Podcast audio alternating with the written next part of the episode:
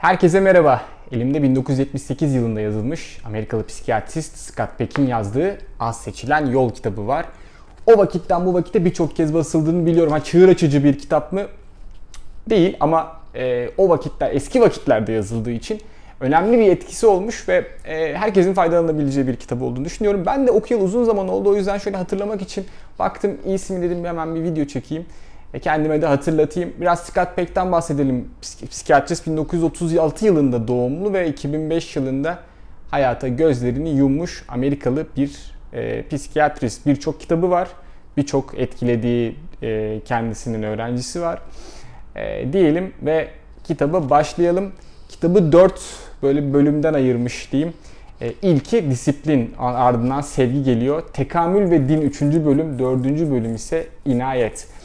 Şimdi e, birinci bölümle başlayalım. Birinci bölüm disiplin bölümü. İnsanın kendisini eğitmesi ancak disiplinden geçer diyor. Hayat zaten yeteri kadar ızdırap doludur. Buda'nın da dediği gibi hayat ızdıraplı bir yoldan ibarettir. Bunu bilmek, bunu kabul etmek öncelikli yapacağımız iş diyor. E peki tamam zor olduğunu kabul edelim, ızdıraplı dolu olduğunu kabul edelim de neden bu kadar bu ızdırabı çekiyoruz? Çünkü diyor acıdan ve ızdıraptan da kaçınmaya çalışıyoruz. Onu görmemek için hasır altı ediyoruz, düşünmemeye çalışıyoruz, üzerine tekamül etmemeye çalışıyoruz ve bu bize e, acıyla yüzleşememe durumunu getiriyor diyor yazar. Bu sorunlar bizim cesaretimizi ve bizim bilgeliğimizi ortaya çıkarır diyor Scott Peck. Yani aslında bunlardan kaçınmaya çalışıyor olmak cesaretimizi hatta bilgeliğimizi hatta genişlememizden kaçınıyor olmamız demek. Buna gerek yok. Alkole, uyuşturucuya veyahut da herhangi bir sakinleştiriciye başvurmamıza gerek yok.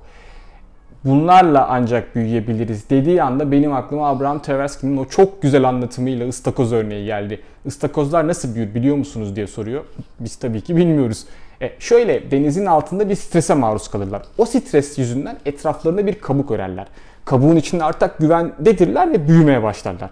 Ancak bu sefer kabuk küçük gelmeye başlar ve kabuğu parçalarlar. Bu sefer tekrar denizden strese maruz kaldıklarında tekrar kendilerini korumak için daha büyük bir kabuk örerler. Bu gitgide döngüsel bir şekilde en büyük haline geldiğinde artık ıstakoz olgunlaşmış, tekamül etmiş olmaktır. Sorunlarla insanların e, depresif ve o kaygılı o e, durumunu böyle birleştiriyor Tversky. Bunu YouTube'da e, izleyebilirsiniz. Linkleri açıklamaya mutlaka bırakacağım. Peki sorunları çözmenin disiplinden geçtiğini söyleyen Scott Peck 4 alt maddeyi nasıl sıralıyor? 1. Hazın ertelenmesi 2. Sorumluluğun üstlenilmesi 3. Gerçeğin kabul edilmesi ve 4 de dengeleme adını veriyor. Ben e, bunların uygulanarak bütün acıların e, dindirilebileceğini, bütün depresyonların giderilebileceğini düşünmüyorum. Ama e, Scott Beck bunun çok çok minimize edilebileceğini düşünüyor. Aynı zamanda depresyon demişken onun da sağlıklı bir e, ne diyeyim semptomları yani sağlıklı bir durum olduğunu söylüyor aslında. Sadece çok uzarsa insana kişiye problem yaratır. Çünkü genelde depresyon bize iyileşmemizi telkin eden, bize bunları bunları bunları değiştir diyen ancak bizim tembellikten e, işte kendimizi kötü hissetmemizden, o acıyı, o mutsuzluğu e, benlikte tamamıyla yaşıyor olmamızdan yapamayız diyor. Aslında kişiyi e, psikiyatrisi depresyon getirmez, onun semptomları getirir. O semptomlardan acilen kurtulma ihtiyacı getirir. Acıya bu kadar dayanamayız aslında diyor. Şimdi ben birinci madde hazın ertelenmesiyle başlayayım. Kendi örneğimi vereceğim daha iyi anlaşılacağını düşünüyorum. Çok güzel bir çikolata gelmiş. Buzdolabına koydum. Akşamları böyle bir tane alıyorum. E, ama bütün gün aslında mesela şu an bu videoyu çekeceğim. Ondan sonra o e, çikolatayı hak etmiş olacağım. Dolayısıyla akşam vakitlerinde yiyeceğim. O yüzden erteliyorum. E, çünkü yediğimde daha keyifli olmuş olacak. E, bunu yaparsanız e, daha o oradan o, o, o anın içinde daha çok olacaksınız diyor Scott Beck. İki, e, bu gerçeği arama, e, özür dilerim sorumluluklardan kaçmama. Ya bu sorun benim sorunum diyeceksiniz diyor. Yani başkasının sorunu başkasının yüzünden oldu, şöyle oldu, böyle oldu. Ne oldu önemli değil. Kendi sorununu üstlenebiliyorsan kendi çözümünü de üstlenebilirsin, üretebilirsin. Unutmayın diyor.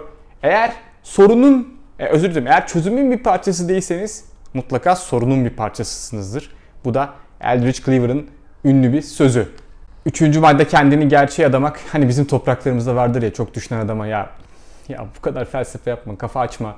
İşte ne çok düşünüyorsun gibi şeyler söylenir. e, bunun çok yanlış olduğunu söylüyor. İnsana bir zihin verildiyse, bir akıl verildiyse, bir bilinç verildiyse bunu sonuna kadar kendi e, gerçekliğini anlamak üzerine kullanman gerekir diyor Scott Peck. Yani bunu Freud'un da böyle bir lafı var.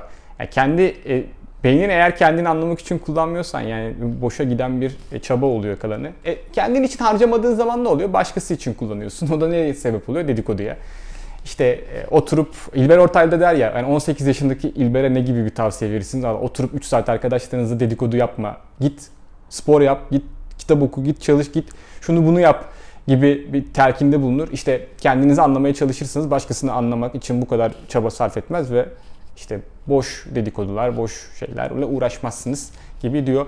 Dördüncü madde dengeleme. Kendi sorumluluklarınızı bilirken başkalarının sorumluluklarını da üzerinize almamayı bileceksiniz. Ya bu çok güzel. Ben mesela e, bunu çok yapıyorum kendi hayatımda. Yani kendi sorumluluğum olan işler var. Bir de başkalarının üzerindeki yükleri de almaya çalışıyorum. İstemsiz yapıyorum bunu. Başkasının sorumluluğunu almama gerek yok ya onun sorumluluğu bırak o halletsin. Bir de bundan dolayı üzüntü duymak nedir yani? Olmaması gerekiyor.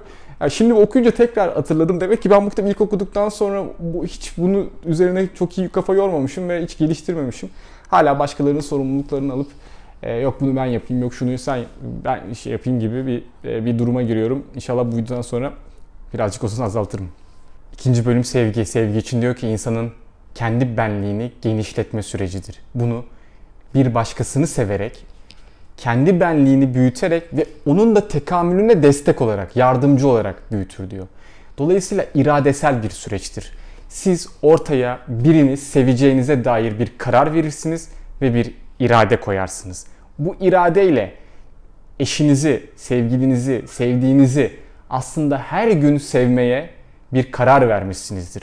Bakın bu ruhla verilen bir kararken başlangıçta aşıklık duygularıyla tabii ki aşıklık mutlaka geçici olacaktır ve ondan sonraki süreç tamamen kararsal ve iradeseldir diyor. Bunun için çaba sarf etmeliyiz, uğraşmalıyız, denemeliyiz diyor.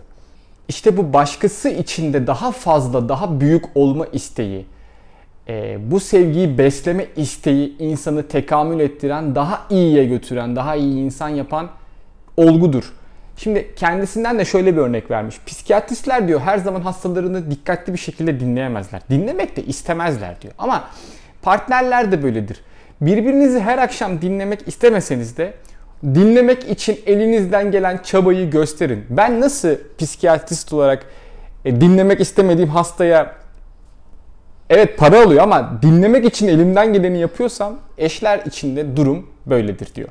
Aşk için çok güzel bir tanımı var yazarın. Diyor ki insanın kendini birden kendinden kurtarmasıdır diyor. Patlarcasına bir sevdayla karşı tarafa akması ve bir anda kendi etrafına ördüğü duvarların da çökmesidir diyor. Ama maalesef geçicidir. Aslında sevginin olduğu her yerde aşk yoktur diyor. Çünkü sevgi aşktan sonra başlar ve denizin daha derin taraflarıdır. Aşk yüzeydeki o dalgalarsa eğer gibi bir e, benzetme yapabiliriz burada söyledikleri için aşkı bir yerde de çocukluğa benzetiyor. O düşünsenize çocukluğun getirdiği o inanılmaz heyecan, inanılmaz merak, inanılmaz enerji aşkın içinde de vardır ama mutlaka ve mutlaka çocukluğu terk etmek durumundayız. İşte o çökkünlük, aşktan sonraki çökkünlük olduktan gittikten sonra sevgiler en büyük sınavını verir. Burada başarılıysan, burada kalabiliyorsan, burada irade koyabiliyorsan sevgine yine daha derinlere dalacaksın. Onun haricindeki yerde sevgiden çok bahsedemeyiz kendimizi de kandırmayalım diyor. Üçüncü bölümdeki din bölümü için kısaca bahsedeceğim. Ee, Scott Peck burada annelerinizden ve babalarınızdan size gelen kalıtılan e, dine gözünüz kapalı bir şekilde inanmamanız gerektiğini, bunu kendiniz araştırmanız, kendiniz bulmanız, neye inanacaksınız ondan sonra inanmanızı e, tavsiye ediyor. Bu şekilde kendi e, bildiğiniz kendi yoğurt yiyiş şekliniz olur. Yani ee, eğer inanmayacaksanız da inanmayın ve veyahut da bir bilim dinine inanacaksınız böyle diyor ona inanın ya da e, kendi inançlarınız sizi nereye istekleriniz yönlendirirse oraya inanmayı tercih edin. Böylece birey olarak daha kuvvetli olacaksınız diyor. Son bölümde de inayet kısmı ile ilgili e, burayı size bırakacağım ama burada psikoterapistlerle ilgili bahsettiği güzel şeyler var. Psikoterapistler e, genelde kişilerin aslında e, belli seanstan sonra yaşam görüşlerini anlarlar. Dikkatli bakarlarsa daha iyi anlarlar. kişiler e, Freud'un dediği gibi e, cinsel arzularından dolayı yaşadıkları problemleri bilinç dışına iterler ve bu bilinç dışına ittikleri problemler aslında hayatlarını zorlaştırır. Bir psikoterapist olarak e, görev aslında kişinin bilinciyle beraber e, anlatmadığı yani o bilinç dışını baskılayarak oradaki ne psikoterapiste anlatmama alışkanlığını aşıp anlatmaya, konuşmaya, paylaşmaya açmaktır gibi diyor. Demek ki kişinin de aslında e, yine tekamülünde anlatmak, konuşmak, gerçek olmak var. E, kendine de gerçek olmak. Eğer bir psikoterapistle de konuşuyorsan onunla da gerçek olmak var diye bitirelim. E, teşekkür ederim beni dinlediğiniz için. Bir başka videoda görüşmek üzere. Hoşçakalın.